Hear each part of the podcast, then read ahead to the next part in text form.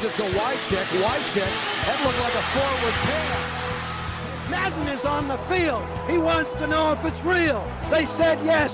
Get your big butt out of here. Hello? You play to win the game. Hej och välkomna till veckans NFL med Mattias Olsson och Lasse Thorman som eh, ännu en vecka spelar in på en lite underlig dag. Nu är det eh, väldigt tidigt här på söndag morgon till och med Lasse som vi spelar in. Mm, eh, hur mår du? Det är ju tack vare eh, dåliga dadlar som vi spelar in sent höll jag på att säga. Men, men vad är det din magsjuka som har spökat lite eller? Ja precis, nej nu mår jag faktiskt helt okej men eh, alltså magsjuka, man går ju själva liksom magsjukan eller illamåendet går ju över rätt fort men eftersom man inte kan käka någonting medan man är sjuk liksom så blir ju kroppen rätt eh, paj så att eh, energin är inte på topp direkt. Eh, men det var inte läge att spela in där i torsdag som man säger så. Jag tycker du låter väldigt, väldigt energifull nu så det, det lovar ju gott. Ja, jo men eh, nu Va? känner jag mig ganska pigg. Det får jag erkänna. Ja, härligt.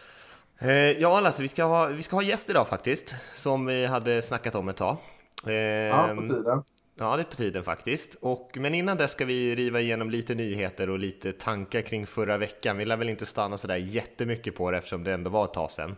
Ehm, mm. Men vi, kan, vi tar och river igenom lite nyheter och, och lite tankar bara så, så, eh, innan vi tar in vår gäst. Mm. Ehm, så vi kan ju börja med den, den, stora nyheten den här veckan i NFL var ju såklart eh, Eh, de politiska utspelen, eller vad man ska kalla det, aktivismen. Eh, Trump, eh, president Trump där kom ut och sa att alla spelare som eh, tog ett knä eller satte sig på ett knä under nationalsången borde få sparken, tycker han och kallade ägarna fega och sådär som inte eh, tog tag i sina spelare. Eh, och det ledde kanske inte helt oväntat till en, en ganska stor reaktion från hela NFL egentligen och det var ju aktioner i alla lag, mer eller mindre kontroversiella och åtminstone ett par hundra spelare som, som gick ner på ett knä och i övrigt stod man och höll, höll, eh, höll arm eller vissa lag stannade i omklädningsrummet och sådär. Så väldigt mycket reaktioner över hela ligan egentligen. Ja, det, här, det här är nyhet för mig, jag har helt missat. jag förstår det. Nej. Son of a bitches kallar han honom också. Ja. Eh, smakfull som han är.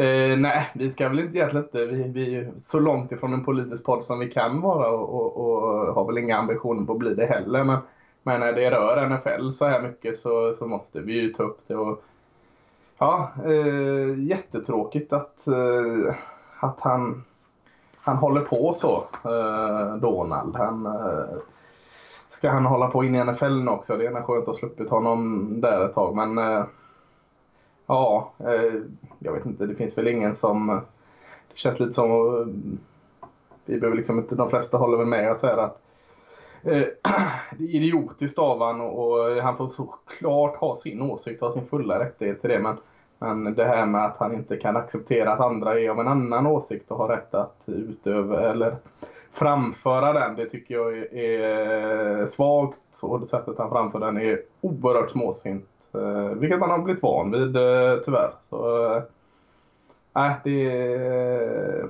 han suger tycker jag. ja, eh, jo, det håller jag med om såklart. Eh, det ska bli intressant att se hur liksom ligan går vidare på något sätt, för det började ju som en, eh, en diskussion eller en protest mot eh, ja, eh, diskriminering av svarta egentligen, av polis och liknande i USA. Och nu har det ju snarare blivit för många i alla fall har det ju blivit en, en diskussion om eh, om rättigheter och yttrandefrihet. Och det känns lite förvirrat om vad, vad alla egentligen protesterar mot. Och, och särskilt ägarna kanske som eh, eh, ja, nästan alla är ju republikaner kan man ju börja med att säga. Och sen ett, ett, ett, åtminstone ett halvdussin har ju eh, gett pengar till Donald Trumps presidentkampanj och sådär. Så att de vill ju gärna få stopp på det här med, med protesterna överhuvudtaget precis som Trump kanske. Även fast de inte riktigt eh, tyckte det var så snyggt av honom att gå ut och säga åt deras anställda vad de ska göra och inte ska göra. Ehm, men vi får se hur, hur NFL lyckas gå vidare från det här om protesterna fortsätter och så. Ehm, ja, mm. jag vill bara liksom lägga fram att jag lägger, eh, jag lägger eh, min åsikt inte på eh, vad de protesterar om. Jag är lite för lite påläst för att kunna liksom ta en stark sida och backa den 100%. Jag vet vad de protesterar. Det jag retar mig något fruktansvärt på är att han inte verkar tycka att de ska få framföra de här protesterna. Det är det jag eh, går bananas på och det är många andra med mig som gör det också. Mm. Eh, och sen det som, som sköljdes bort lite som ännu värre i samma presskonferens eller vad det nu var han höll på med där så eh, fnös han åt att NFL, eh, man får inte tacklas längre och det är, det är löjligt att man inte ska få typ kollidera huvud mot huvud och en beautiful tackle där. Liksom att han har helt, eh, det har helt gått honom förbi. Och det kan det ha gjort möjligtvis. Det är inte han som president behöver inte tänka på eh, oroligheterna med hjärnskakningar inom sporten och alla de här eh, kollisionerna med huvudet. Men, men kommentera det inte då. Om du inte vet detta. Liksom. Det, det, är bara... Ja, det är så dumt. Det är så oerhört dumt. Du menar att han är en smula populistisk kanske, eh, Mr Trump? Eh, har väl haft den tendensen innan, ja. Vi går vidare. Apropå fula yeah. tacklingar och tacklingar mot huvudet. Eh, så Vontes Perfect, linebacken i Bengals, kommer ju tillbaka nu efter sin avstängning som han fick på en tackling på Anthony Sherman, fullbacken i Chiefs. Eh, samtidigt som eh, Danny Trevathan i eh, eh, oj, nu tappar jag helt vilket lag han spelar för här. Chicago Bears. Chicago Bears såklart. Just det, han tacklade ju Devante Adams i Packers här i senaste matchen i, i huvudet eh, och kommer bli avstängd två matcher för den. Jag tycker nog personligen att den var värre än, än Burficts avstängning, men Burfict är ju lite av en återfallsförbrytare. Ja, Trovaten har aldrig gjort något innan heller där, så att, men, men den, jag håller med dig, den såg ju hemsk ut. Och inte bara tacklingen såg hemsk ut, det var äckliga scener efteråt också. Han ligger där livlös, man ser tandskyddet ploppa ut, han rör sig inte liksom. Usch, sånt tycker jag är läskigt alltså. Mm. Och det var egentligen de enda nyheterna vi hade den här veckan, alltså de där korta där. Eh, mm. Och vi ska hoppa direkt in till och, och det som vi kallar för de tio snabba här från, från helgen som var, eller veckan som var. Eh, mm. Och lite saker som stod ut för dig och mig som vi reagerar på. Eh, bara ett lite snabbt sätt på att blicka tillbaka lite mot matcherna. Eh, och du kan väl kicka igång oss lite grann? Mm. Du, vi har kallat New York Jets för det nya Browns. Vi har kallat Indianapolis Colts för det nya Brown. Båda lagen har varsin vinst nu. Det känns lite som först innan vi kan börja kalla några lag med nya Browns så måste Cleveland Browns bli ett nytt Cleveland Browns. För, eh, för de är fortfarande Cleveland Browns. 0-3. Mm. Ja, de har inte sett vassa ut, det kan jag hålla med om. Eh, Tennessee Titans tittade jag på såklart när de mötte mitt Seahawks där och vi snackade ju lite strunt om deras O-line, eller åtminstone att den inte såg ut som den brukar göra. Eh, och de verkar ha tröttnat på det snacket lite grann, för i förra söndagen här så körde de ju över Seahawks försvar totalt. De sprang för nästan 200 yards, till att noll sacks, noll QB-hits och jag tror bara det var en och annan pressure sådär på, på hela matchen mot ett ändå väldigt bra försvar eh, som de var väldigt imponerande tyckte jag. Mm. Eh, även eh, Washington har fått igång sin offensiva linje. Eh, påminner om den gamla The Hog som det kallades en gång i tiden. Eh, senast såg laget riktigt starkt ut, både på offensiven och defensiven. Jag börjar känna att det kan bli ett ganska bra sliperlag, alltså ett lag som smyger i bakgrunden här eh, och flörtar med slutspelet. Eh, Washington såg eh, riktigt bra ut, lite bortglömda. Mm. Philip Rivers eh, har vi pratat om lite grann här. Eh, jag har, brukar försvara honom som en, en, spelare som ändå är väldigt bra men inte kanske haft så mycket talang omkring kring sig. Nu kommer jag inte göra det på ett tag ändå efter den här starten på säsongen. Eh, jag tycker att försvaret i, i Los Angeles Chargers har spelat eh, helt fantastiskt den här säsongen. Melvin Ingram bland annat eh, har ju varit eh, outstanding. Eh, men nu senast här säsongen lite grann på spel, man var 0-2. Eh, Rivers kommer ut med 50% lyckade passningar, 3 interception. Håller liksom inte att spela så dåligt och, och, game management i de första två matcherna inte bra från Rivers sida. Eh, nej, jag tycker inte att han har varit tillräckligt bra. Nej, eh, då håller vi kvar i QB-frågan här. Brian Hoyer, Blake Bortles, Jacoby Brissett, Case Keenum, Josh McCown, eh, gör Tom Brady sällskap som, som eh, omgångens eh, kanske hetaste och sexigaste quarterbacks eh, vecka tre. Vem, vem hade trott det? Mm. Jaguars eh, imponerade i London eh, mot Ravens, Lasse, men eh, jag vill ändå inte prata om, om Jaguars, utan jag skulle vilja prata om Ravens faktiskt. Jag tycker att det var en så förskräcklig insats att det är eh, pinsamt. Vi hade ju Magnus där från redaktionen och jag förstår att det inte kan ha varit så jättekul för honom att sitta där på läktarna och heja på sitt Baltimore. Men försvaret blev ju totalt överkört av Blake Bortles och den offensiva linjen i Jaguars, vilket man definitivt inte borde vara om man vill vara ett topp 10, topp 5 anfall i NFL. Eh, och Joe Flacco avslutade matchen 8 av 18 för 28 yards eh, och med två interceptions. Det är, jag vet inte om jag någonsin har hört en så dålig statline sen jag började följa NFL. Eh, det är förskräckligt dåligt. Nej, usch, usch, usch, håller med. Eh, viktiga saker. Det viskas en del om eh, Justin Timberlake som halvtidsunderhållning för, för Super Bowl. Eh, nästa Super Bowl. Och jag undrar bara vad, vad de som väljer kommitté eller vad det vad har de egentligen mot Taylor Swift? När ska vi få se Taylor Swift som halvtidsunderhållning i Super Bowl? Det här tycker jag borde vara stora rubriker. DeMarcus Lawrence pratade du och jag om lite grann på Slack eh, och du var lite försiktigt eh, positiv kanske sådär, men jag, jag tyckte att han var veckans bästa försvarare den här veckan eh, mot Cardinals. Såg totalt dominant ut. Jag tyckte han var den överlägset bästa spelaren på plan i Cardinals Cowboys-matchen och eh, han leder i NFL i sax nu än så länge och eh, ser helt fantastisk ut tycker jag. Ja, usch, jag vågar inte tänka på hur illa det kan gå utan honom. Ja, jag har inte så mycket mer. Nej. Har du det? Nej, egentligen inte.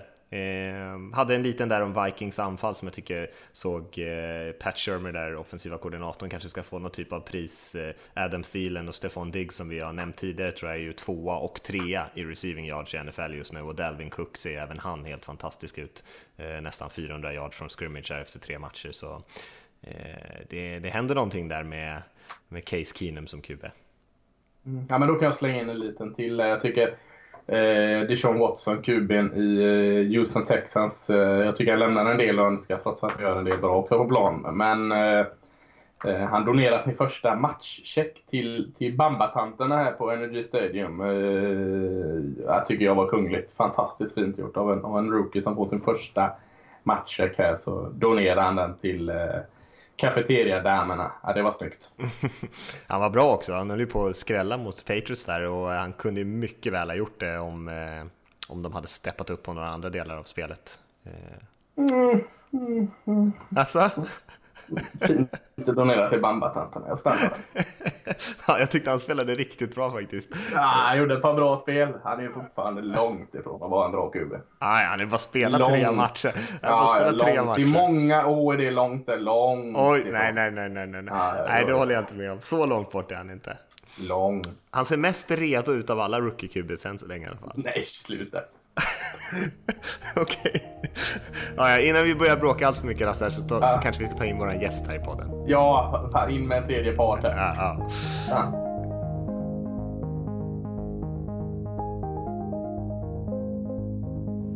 Ja. Då är vi tillbaka igen och eh, vi har som sagt en gäst med oss idag. Vi har äran att ha med oss eh, Sveriges Roger Godell, eh, ordförande i SAF, Sveriges amerikansk fotbollförbund. Eh, Christian Elisson, välkommen till podden. Tackar, tackar. Det var... Underbart att få kunna kalla Sveriges Roger Godell, så du får, du får ta den helt enkelt. Ja, det är ju något man inte får höra varje dag i alla fall.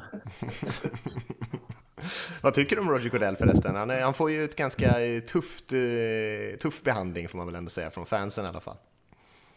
Ja, han, han sitter ju mitt i märket eh, och det är 32 olika viljor och miljontals fans. Men eh, i det stora hela tycker jag ändå att han hanterar det bra och ägarna är nöjda och det är det som är hans huvuduppgift. Mm han har ju lite av ett omöjligt uppdrag där som du är inne på. Att han, han blir ju liksom, eh, om ägarna hittar på någonting eh, tokigt som fansen inte gillar så är det ju han som får ta all skit. Så från ägarnas sida så är det ju jäkligt smart att ha den typen av sköld framför sig hela tiden. Mm. Nu, nu är ju det här eh, i första hand och kanske också andra hand en podcast om, om NFL här, men när vi ändå har med ordförande i SAF här så är det ju, tycker jag vi gör tjänstefel om vi inte känner av lite läget i amerikanska fotbollen i Sverige. Alltså, så, så vad, vad är på gång, eh, Christian? Christian? Vad, vad, har vi att se fram emot eh, under hösten och eh, kanske nästa år? Och lite, lite snabbt hur, hur läget ligger i Sverige? Ja, nu under hösten, så, så just idag så, så påbörjas ju slutspelet U19 med kvartsfinaler. Ja, det. Och, och, det är ju vår, det är en SM-serie som leder upp till en SM-final som, som spelas i Göteborg här om, om några veckor.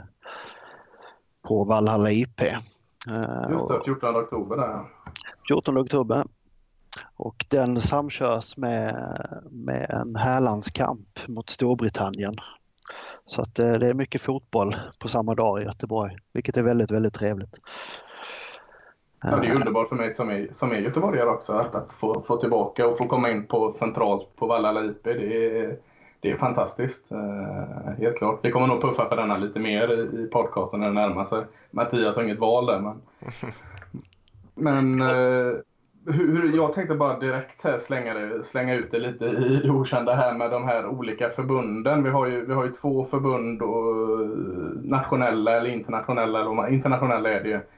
Eh, hur det här spektaklet funkar med EM och VM och sånt. Eh, kan du lite enkelt förklara för, för oss som har lite sämre koll på vad, vad som händer där? Ja, ja kort, kort då i det stora så, så finns det, alla idrotter har ett internationellt idrottsförbund. Eh, IFAF heter det för oss. På ett årsmöte som var 2015 så var det ett gammalt garde som, som valde att, att lämna mötet och bryta sig ut och, och starta ett eget IFAF och utropa sig som det legitima internationella förbundet. Det här var 2015 och man håller fortfarande på och reder i det där.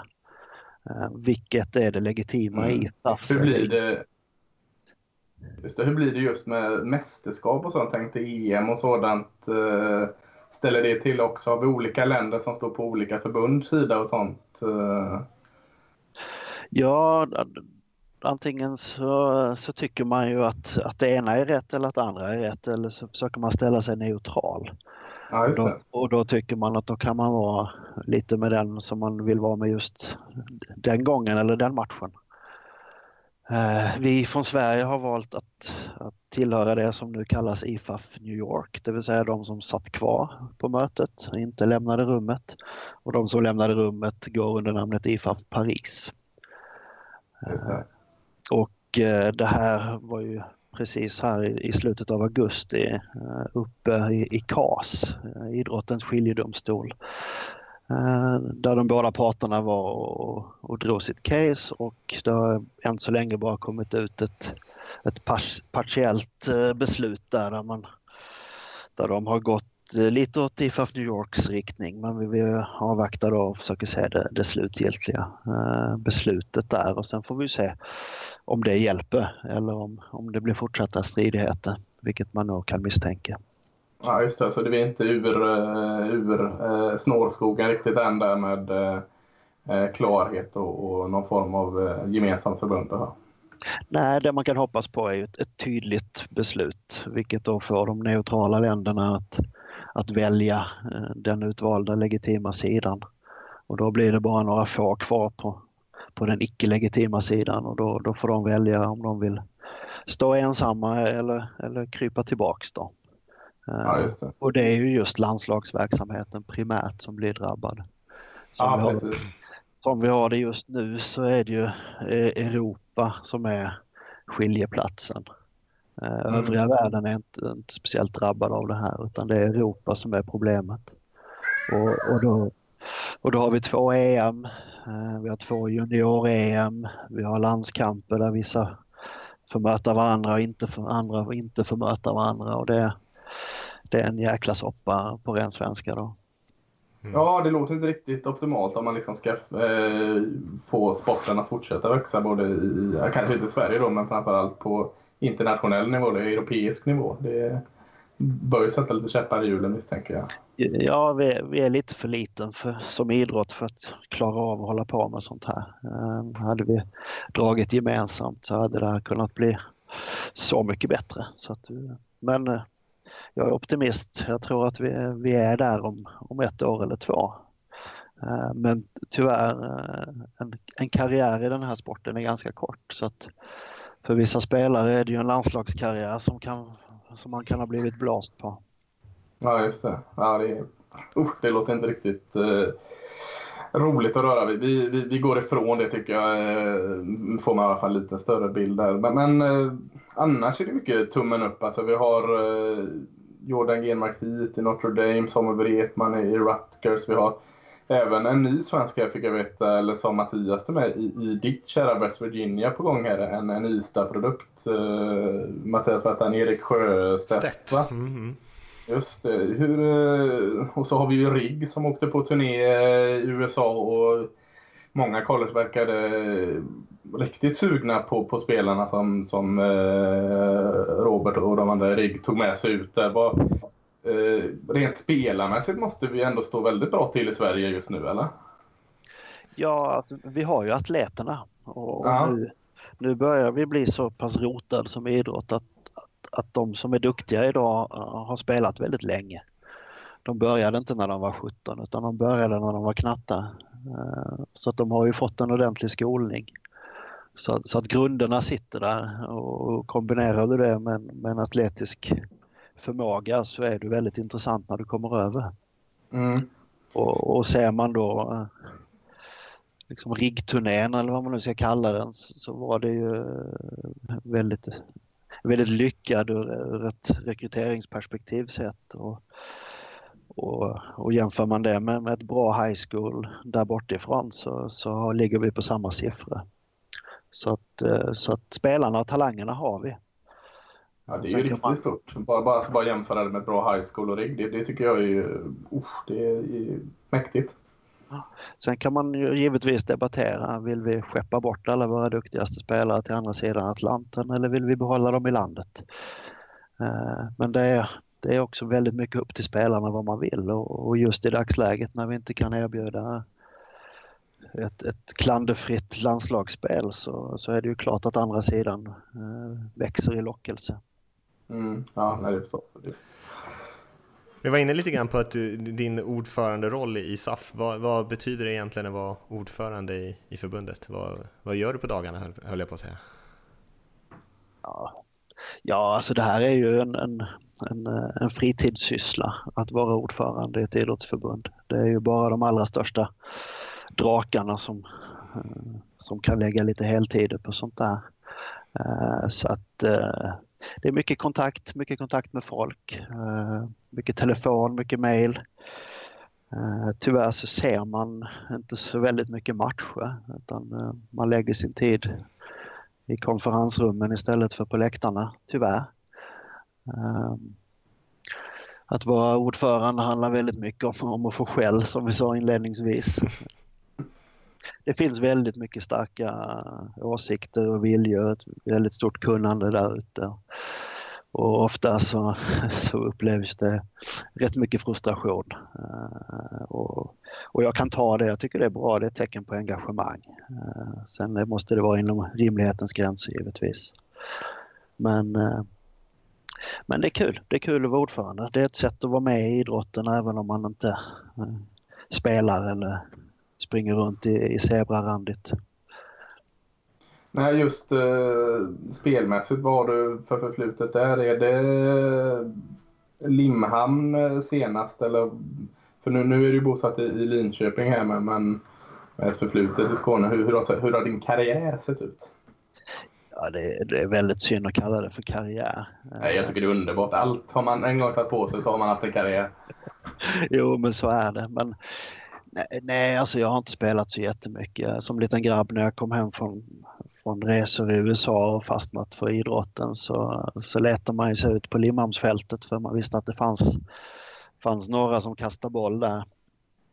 Så hängde man där lite och lärde sig lite men eh, det var inte sådär jätteuppstyrt på den här tiden. Vi pratar väldigt tidigt 90-tal. Mm. Eh, så att där var man lite och sen så flyttade jag ganska tidigt till Linköping just som fram till alldeles nyligen har varit ett stort svart hål när det gäller amerikansk fotboll. Så att de har inte hållit på så mycket. Och, utan sen kavade jag runt och åkte upp till Örebro lite ibland för att träna och spela och, och, sådär. Så att sista matchen var där. Eh, men som sagt, jag har aldrig, aldrig gjort något väsen av mig som spelare och aldrig haft den ambitionen heller utan det har mest varit för att man gillar idrotten helt enkelt. Mm. Eh, och på tal om det, du sa resor i USA. Vad, hur, hur, eh, vart står du när du kommer till NFL? Följer du veckovis eller eh, hur ligger du där? Ja, ja, jag försöker säga ganska mycket. Eh, det, det var där intresset grundades, var NFL. Eh, fastnade för 49ers eftersom min far bodde där långa stunder och tog med mig på matcher där slutet eller tidigt 90-tal. Eh, och sen dess har man försökt följa och sen ibland har det varit lätt att följa, ibland har det varit svårt att följa NFL när man har varit här i Sverige. Mm. Men tidigt 90-tal i San Francisco 49ers eh, måste ha varit helt rätt tid ändå känns det som med tanke på vad de hade då. Ja, det var väldigt lätt att fastna för just det laget just där och då. Eh, ja, har, du, har du några, några bra eh, anekdoter från, eh, för du var över då och, och, såg matcher på Candlestick Park under deras eh, primetime då eller? Ja, precis. Min, min far var, var ju där och när jag som liten grabb kom och hälsade på så, så var det ju klart att vi skulle gå och se de stora amerikanska idrotterna. Och, eh, och då tog han med mig till Candlestick och vi fick se Montana träffa Rice i, i näven och springa in en, en touchdown och hela stället exploderade. Och man visste inte riktigt vad som hände. Man, man förstod ju att någon gjorde någonting bra men, men det som verkligen satte sig var ju atmosfären och, och stämningen och jublet och, och då, då är man rätt hooked. Ganska, ja. ganska kvickt. Jag tänker mig och, och även om du var var en liten grabb då och inte hade full koll på att, uh, hur stort det var kanske att se just Joe Montana träffa uh, Rice. Uh, så det är ju skitfräckt i efterhand att kunna säga att man har sett det live. Alltså, det, ju, det ältas ju väldigt mycket och med, med all rätt känner jag just hur, hur jäkla bra de var då för det där. Alltså hur duktig både Montana och Rice var. Äh, det, det låter riktigt fräckt att kunna ha det på sin sin form av, av eh, bucket list eller vad man ska kalla det. Att man, man har sett fontänen nå Rice i endzone. Eh, uh, det, det, det är mäktigt låter det helt klart. Ja, det var, men det var också andra tider då. Eh, de hade ett, ett, fantastiskt lag, både de och Dallas. Men det fanns inga lönetak. Utan man, den typen av lag kan du inte bygga idag. På gott och ont. Så att, men som sagt, jag är glad. Jag fick vara där. Jag fick se, se det häftiga och eh, som sagt, sen, sen dess är jag fast. Ja, eh, var... Mattias, du har också varit... Nej, du var inte nere på Candlestick. Du var bara i Seattle sist du var på västkusten, va? Ja, precis. Så jag har inte ja. varit på Candlestick, tyvärr. Ja, just det. Ja, det, ja, den var fräck. Jag, jag var där en gång eh, ja, när det nu var sen. Och fick för mig att det var ju, låg precis utanför stan. Jag tar och promenerar dit. Eh, eh, det gör jag inte om så att säga. Men, men nu, nu ligger väl eh, nya arenan, vad heter den, Levi Stadium, ligger knappt i, i, stad, i staden San Francisco längre va? Det har ju du bättre koll på Christian. Nej, den ligger i Santa Clara och så det är ju en rejäl bit ut. Så, så att det, det är synd att kalla det San Francisco. Men, men det är en ny modern arena. Eh, tyvärr lite designbrister om jag får säga det själv. Eh, givetvis var, var Candlestick mest nostalgi mot slutet och väldigt nedgånget och sunkigt men, eh, men det hade kunnat gå att göra någonting bättre totalt sett. Jag såg från sändningen där, det var bara en stor Ja, den var jämnad med marken om man säger så. Det var inte någonting kvar av Candlestick. Det var bara ett hål i marken där eh, Candlestick en gång hade stått. Det är lite eh, hur nostalgisk man ska vara över de där sakerna. Det, det, ibland så är det ju dags, men eh, det känns ändå lite segt att se någonting som har stått liksom länge, mycket minnen och grejer som bara fuff, försvinner sådär. Ja, NFL är ju en extremt osentimental liga. Eh, när det gäller spelare och veteraner. Och, och det måste ju givetvis hänga med på, på runt omkring verksamheten. Mm. Sen, sen, så ska man inte underskatta den nostalgiska ådran. Men, eh, men de gör ju bra business på det istället. Man kan ju köpa allting som en gång har varit på Candlestick i alla dess, alla dess former. Ja, det är snyggt. Det var Beatles sista spelning var på, på Candlestick Park också va? Om jag inte är helt fel ute. Stämmer. Eh, så, så, det fanns ju nostalgiska skäl mer än bara eh, 49ers. Eh, eh, i, det, I det blåshålet, eh, måste jag säga. Om vi jassar över till lite nutid då Christian, vad, vad, hur ser du på vad som händer i 49ers just nu? Det har ju varit lite tarmtömningen, man ska säga, där med i truppen. Det är inte så många spelare kvar från de här gamla Super Bowl-laget. Ser du någon positiv trend? Ja, jag, jag, tycker väl man har varit nere och vänt. Eh, det ser väl lite positivare eh, ut just i år, även om inte resultaten har kommit än. Eh, så att jag har väl viss, viss förhoppning. Vi, har, vi sitter väl rätt så, rätt så bra inför nästa draft. Men vi har också väldigt stora behov. Så att, eh, jag hoppas att, att vi inte ska göra en, en Browns eh, rebuild här som tar 100 år utan eh, att det går lite fortare. Men eh, jag är ändå lite positiv. Ja, nu, nu, kanske det låter fel med tanke på eh, senaste matchen, men försvaret börjar ju se ganska eh, snyggt ut. I alla fall många unga lovande spelare. Eh, trots att de kanske inte visade sig från sin bästa sida senast mot LA Rams där, men eh, Ruben Foster där och, och som, som någon form av kugge i mitten. Det ger ju ändå någonting att bygga på. Ja, det har ju varit adelsmärket för, för 49ers de senaste gångerna de har varit bra. Om vi nu lämnar det gyllene 90-talet. Eh, så är det ju just defensiven som har varit solid och det tycker jag om. Så, att, så det, är ju, det är ju vackert när, om, om vi bygger därifrån först. Sen behöver vi givetvis några som kan plocka upp lite poäng på tavlan och det är väl den största bristen just nu. Mm, och, och, då tycker jag, alltså då, då måste jag fli, gå vidare där med, om, om, eftersom du är defensiv eh, förespråkare, att det är väldigt underligt. Jag har ju koll på att du hejar på West Virginia i collegefotbollen eh, som, som är allt annat än en eh, defensiv eh, fotboll med, med coach Dana Holgersson där. En, poweroffensiv som heter duga. Hur, hur, eh, hur, ser ditt intresse kring, kring college och eh, framförallt då West Virginia ut? Och, och hur kommer det sig att det blir West Virginia av alla lag? Ja, collegeintresset är, är stort. Det, det, är egentligen roligare fotboll att titta på rakt upp och ner i tv-soffan än vad NFL är. Eh, det är lite som Hockeyallsvenskan i hockeyn. Det händer lite mer, det svänger lite mer, det är lite galet.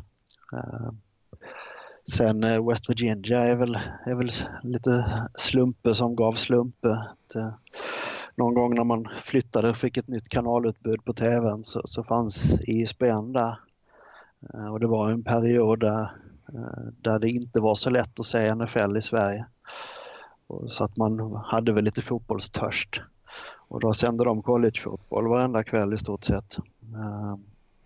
Och då, det var ju när West Virginia var bra. De hade eh, Rodriguez som tränare och, och gick framåt. Hade bra säsonger så de var ofta, ofta på, på TV. Sen kallades de för Mountaineers och jag, en av mina hobbysar på den tiden var just bergsbestigning och sen var de blågula. Så det var, det var många små pusselbitar som föll på plats. Så att de spelade rolig fotboll och, och de var ofta på TV och, och de hade många många små kontaktytor.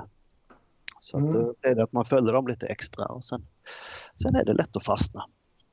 Ja, helt klart. Och de är ju fortfarande väldigt roliga. Alltså, även Denna Holgersson som är nuvarande huvudtränare verkligen anammat det där med, med eh, offensiv gladfotboll eller vad man ska kalla det. Det går ju verkligen undan med, när West Virginia spelar. Ja, och återigen lite galet. Uh, han, han, är inte alltid frisk, men uh, det är kul, att, kul att följa, kul att se på. Sen, sen, har, sen har de ju en vass uh, defensiv också. Utan de senaste årens draftade spelare har oftast varit på den defensiva sidan. Ja, det tänkte jag också där. Alltså just när man kollar draftade och spelat i NFL. Vi har ju ändå en hel del offensiva spelare som är draftade högt. Jag tänker senast då kanske tydligast på på kul med Gino Smith som, som var fantastisk i, eh, West Virginias offensiv. Och eh, även då, eh, nu kommer jag inte ihåg, de är ju brorsor där, Kevin White var det, receiven som gick till eh, Chicago Bears eh, topp, eh, i toppen där. Ah. hur det kommer sig att de, båda de inte har lyckats alls hittills. Har det mycket med att det är ett lätt system att, att eh, liksom sticka ut och glänsa i West Virginia och sen kommer kanske verkligheten ikapp när, när, de, när de får spela på nästa nivå. Ja, Gino har jag inte, fortfarande inte riktigt smält att han inte har lyckats eh, efter allt han gjorde i college. Eh, och sen, men han har väl glimtat till någon enstaka gång.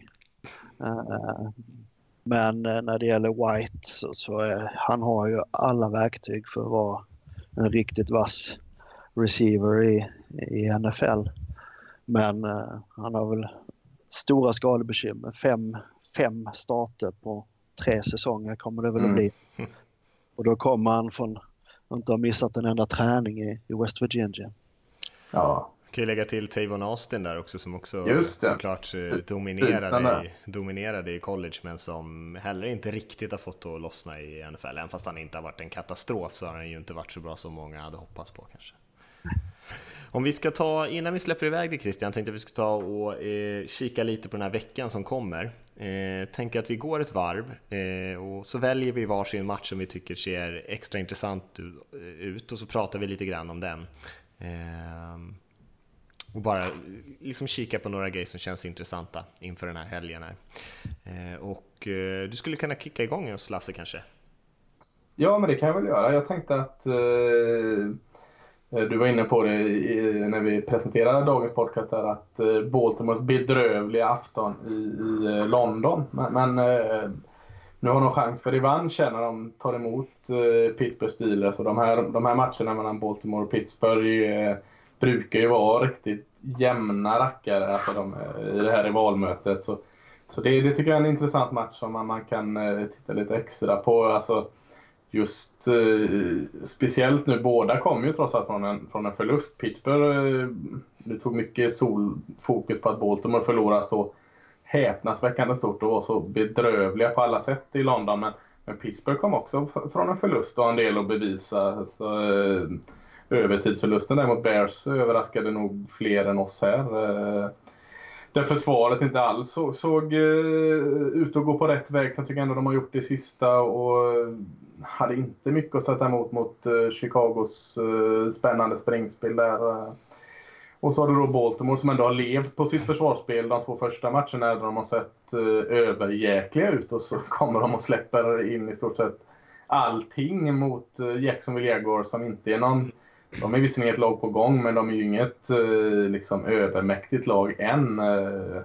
Så det ska bli lite spännande. De här matcherna brukar ju bli jämna historier som, som man kanske kan slänga lite av tidigare händelser eh, åt sidan och liksom fokusera på det här mötet. Så det ska bli spännande att se den här rivalmatchen. Båda är 2-1 ändå och, och båda kommer från en förlust. Så en spännande match att följa tycker jag.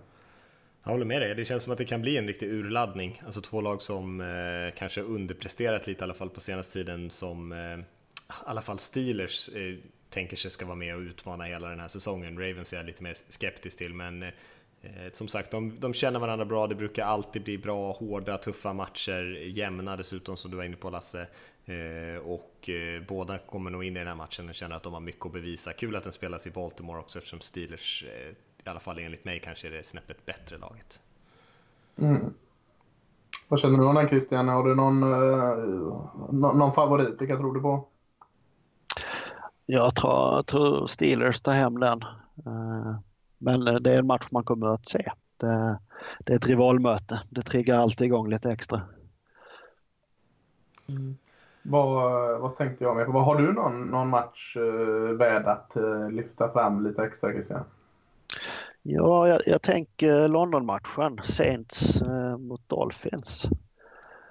Eh, där, där Saints eh, efter en bedrövlig start eh, gjorde det riktigt bra förra veckan. Eh, och, eh, och vinner de nu så är de 2-2 eh, och har alla möjligheter igen. Eh, efter 0-2 första två veckorna så var de ju nästan utdömda. Och det, det, är tråkigt. Ett lag som Saints vill man gärna ha med, med den offensiven. Ja, jag, jag har ju alltid lurats av det. Alltså det många gnäller på, på Sean Payton där och att eh, något måste hända. Men, men jag är ju en ständig, eh, luras ju ständigt av att jag tycker Saints ser förbaskat bra ut och intressanta ut innan de gör de här eh, eh bedrövliga starterna som de alltid gör med. Där, där man undrar vad fasken har de gjort hela offseason som de börjar de här två matcherna. Men, men som du sa, så, alltså, senast så såg de ju alltså, riktigt skarpa ut. Och, eh, jag vet inte, jag har, jag har fruktansvärt svårt eh, att Eh, vilket tyder på att jag inte hade varit en bra tränare eller general manager. Alltså att, att på något sätt se vad Saints gör fel. Eh, Mattias, berätta för mig. Vad, vad, varför funkar det inte Saints? Varför funkar inte försvaret? Ja, de har väl inte tillräckligt många bra spelare till att börja med. Ja, men jag tycker ändå de har en del bra spelare. Alltså, jag, jag, jag kan inte riktigt se att det är en eh, genomusel. Det är ju inte som Jets offensiv liksom, där du inte kan hitta ett namn om du sitter med förstoringsglas. Du har ändå en del nyckelspelare i försvaret. Ja, är det, det som för... helhet inte funkar då? Nej, men det är väl för många kanske för många svaga länkar om man säger så. Och så tycker jag de saknar lite speed där i försvaret också.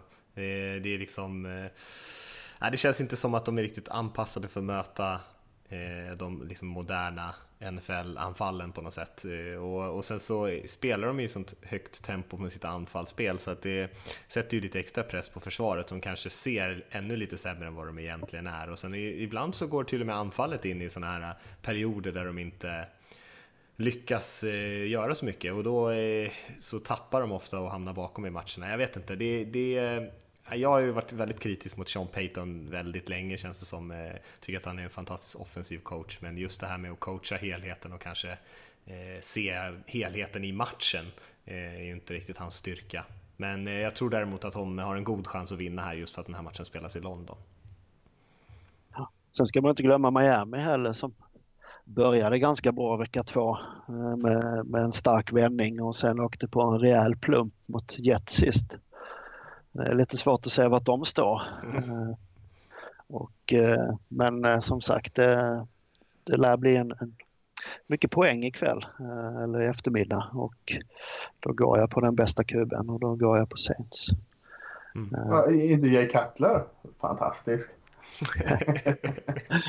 sen, sen, som vi sa, matchen spelas i London och uh, det blir alltid lite jippo kring det. Man vet aldrig riktigt vad som händer och det är ju fortfarande en riktig match. Eh, och det, vi sa det förra veckan, det var väl ingen som förväntade sig det resultatet. Eh, och vi har sett det tidigare år. Eh, så att det blir ju ett litet lustigt avbrott i en säsong att åka till London för lagen. Sen är det givetvis bra att de kommer hit och visar upp sig i Europa och skapar intresse. Och det är ju mätbart vilken skillnad det har gett. Men men som match betraktat så är jag lite, lite tveksam till att, till att åka iväg på sådana här utflykter. Mm. Mm. Det, det, och det, de är ju lite som torsdagsmatcherna, de här äh, Londonmatcherna, nästan vad som helst kan hända. Och de brukar ju väldigt sällan bli särskilt jämna, eller vad det nu beror på.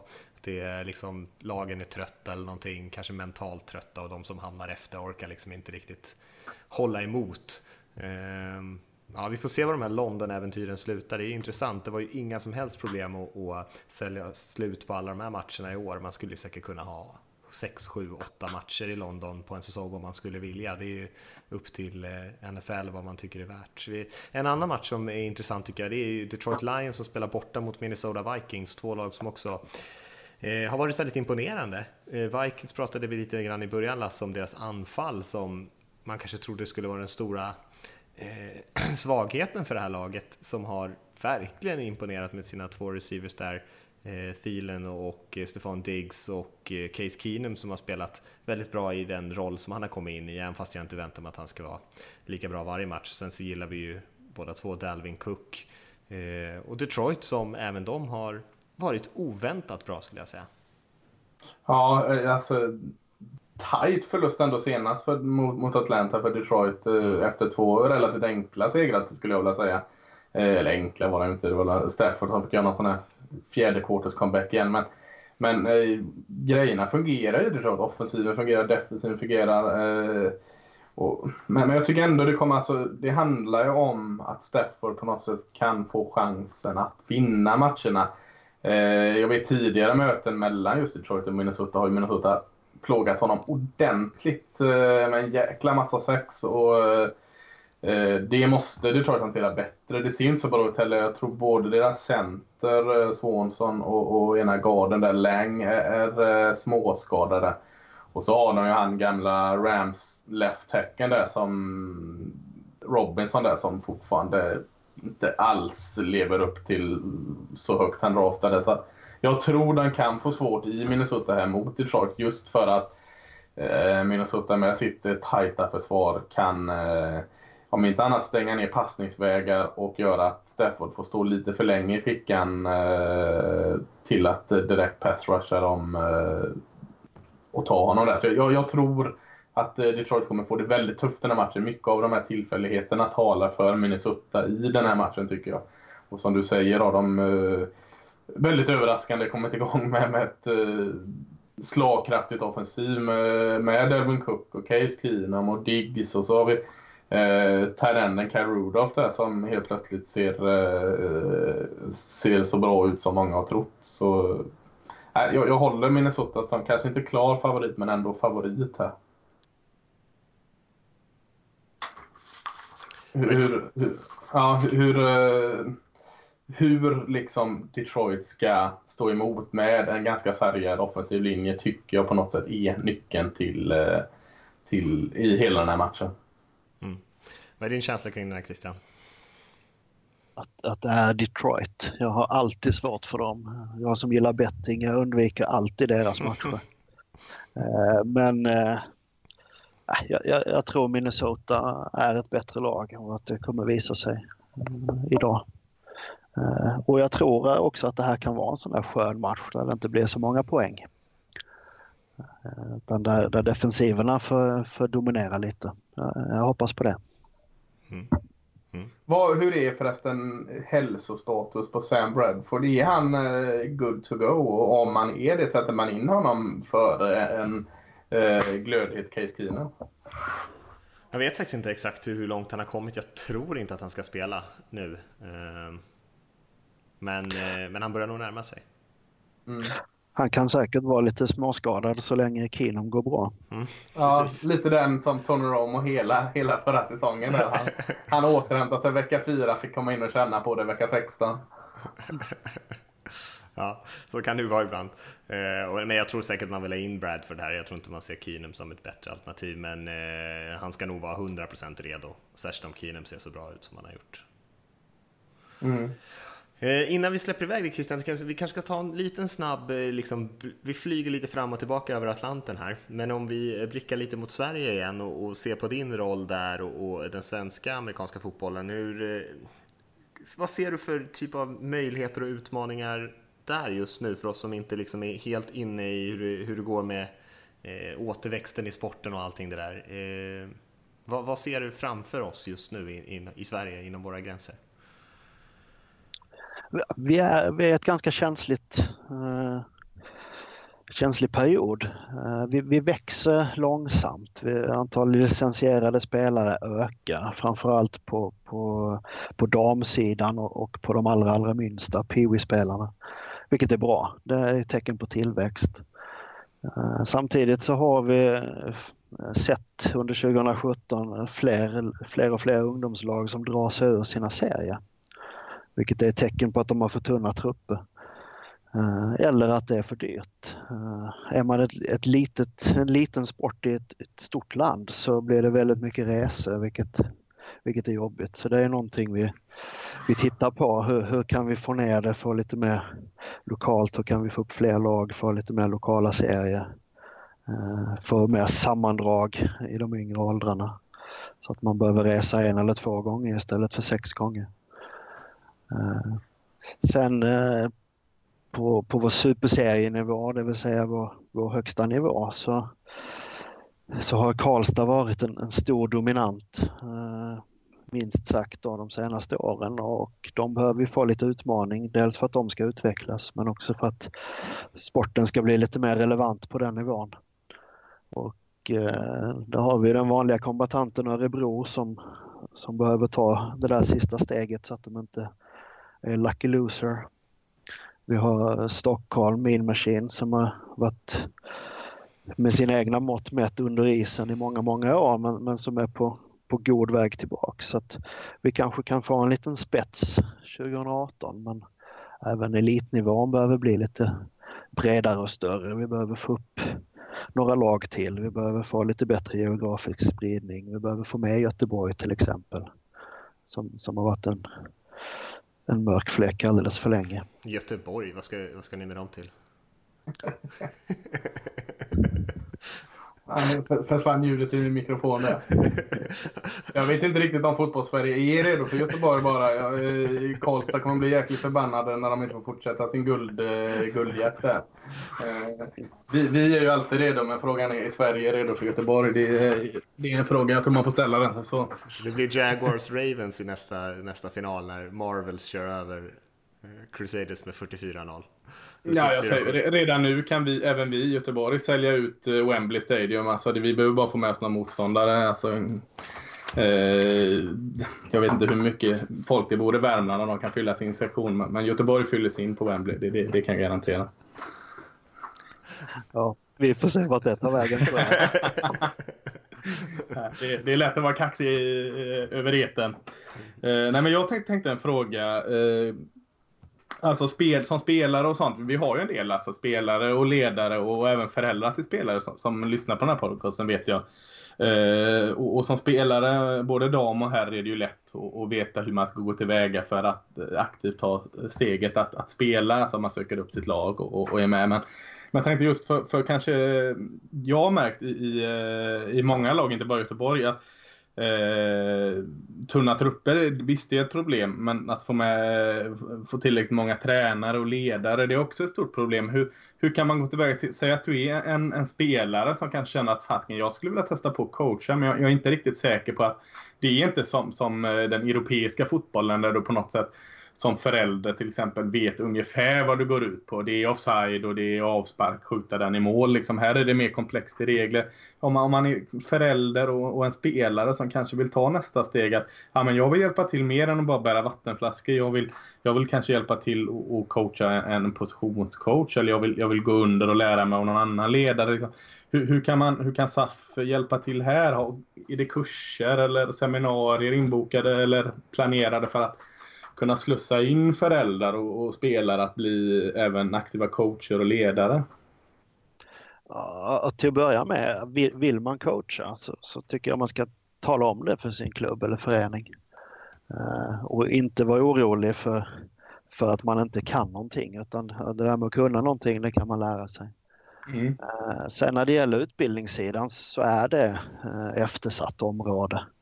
Det, det har vi känt till ett tag att det finns, det finns några grundutbildningar som, som är reglementerade. De måste gås för att man ska få en tränarlicens.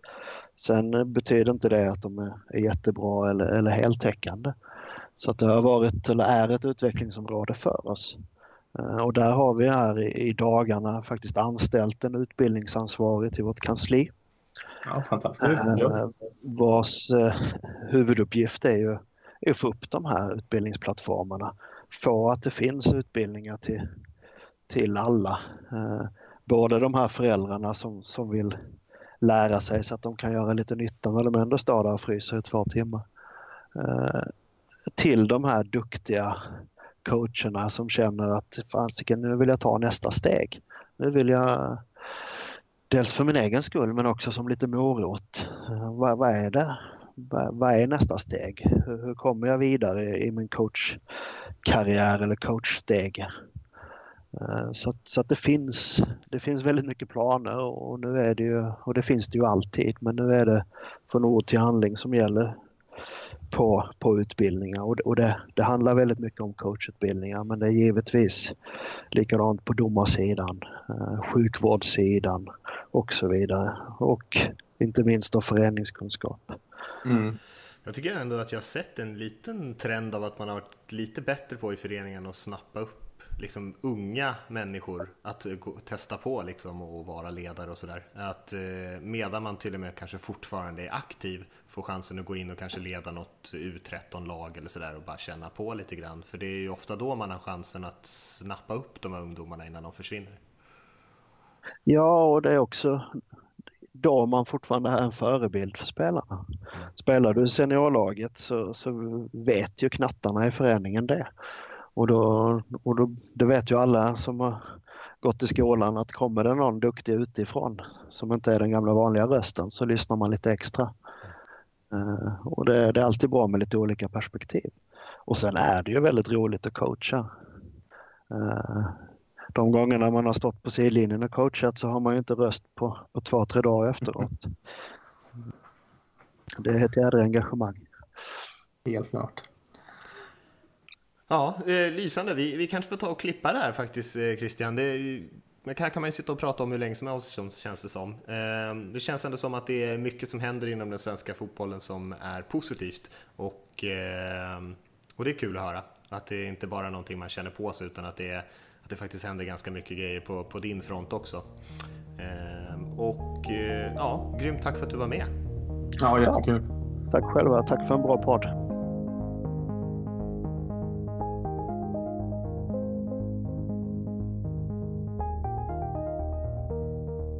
Ja, då är vi tillbaka igen utan Christian. Vi tackar honom så mycket för det. Det var ju intressant att höra lite Lasse om vad som händer inom den svenska fotbollen, även fast jag vet att du är ganska insyltad i en del grejer. Mm, absolut, men det, det är jättekul att få lyfta de här ämnena. Och, och, eh, jag vet att vi har många lyssnare som också tycker det är roligt, även att vi är en NFL-podd. Och ska så förbli så är det alltid kul att pressa in lite eh, lokal fotboll. Ja, så är det ju. Och vi vet ju att det är alltid jättemycket intresse för våra duktiga svenska spelare som kommer över och spelar. Och jag menar, gör man inte ett bra jobb eh, på, i föreningarna och från förbundets sida här hemma så att eh, fler kids kommer in och får chansen och, och testa på och, och, lära sig sporten och så här hemma, då, då blir det ingen som åker över heller. Så kan man väl ganska lugnt säga. Så det är ändå intressant att, att höra lite grann om vad som händer. Så är det absolut. Eh, och vi ska väl egentligen ta och runda av Lasse, det är ju snart dags faktiskt för, för match eh, på eh, Twickenham i, i eh, Storbritannien i London. Ja just det, Tottenham spelar där va? Jag har mm. väldigt dålig koll på engelsk ligafotboll men eh, de, de är Under Armour och har flörtat lite med NFL så... Just det. Eh, nej det ska bli, det är jäkligt gott de här söndagarna att kunna Eh, farligt är det också. Du sitter ju egentligen från då, eh, klockan tre till eh, klockan eh, släcka lampan och kollar NFL-fotboll. Eh, vilket är himla trevligt men också lite farligt för man, man blir lite osocial. Aha, sambon brukar tycka att det är jätteroligt. Ja, det brukar vara så. ja. Nej men just, just av den anledningen för att det, det faktiskt är snart dags för match och den här podden måste ju ut så att någon hinner lyssna på den innan, innan matcherna är spelade. Mm. Även fast det inte blev supermycket match fokus den här veckan eh, och det var nog klokt med tanke på när vi spelade in. Eh, mm. Så eh, ska vi återkomma i nästa vecka, någon gång i mitten på nästa vecka förhoppningsvis och då ska vi ha lite mer temaavsnitt än vad vi haft de, de tidigare veckorna här. Kanske fortfarande välja ut några enstaka matcher men kanske dyka ner i något ämne lite mer än vad vi har gjort tidigare, är tanken. Men eh, vi tackar Christian Elisson för att han var med och eh, vi tackar er för att ni har lyssnat och så får ni ha en bra söndag där ute och eh, resten av veckan fram till nästa avsnitt så hörs vi om ett par dagar helt enkelt.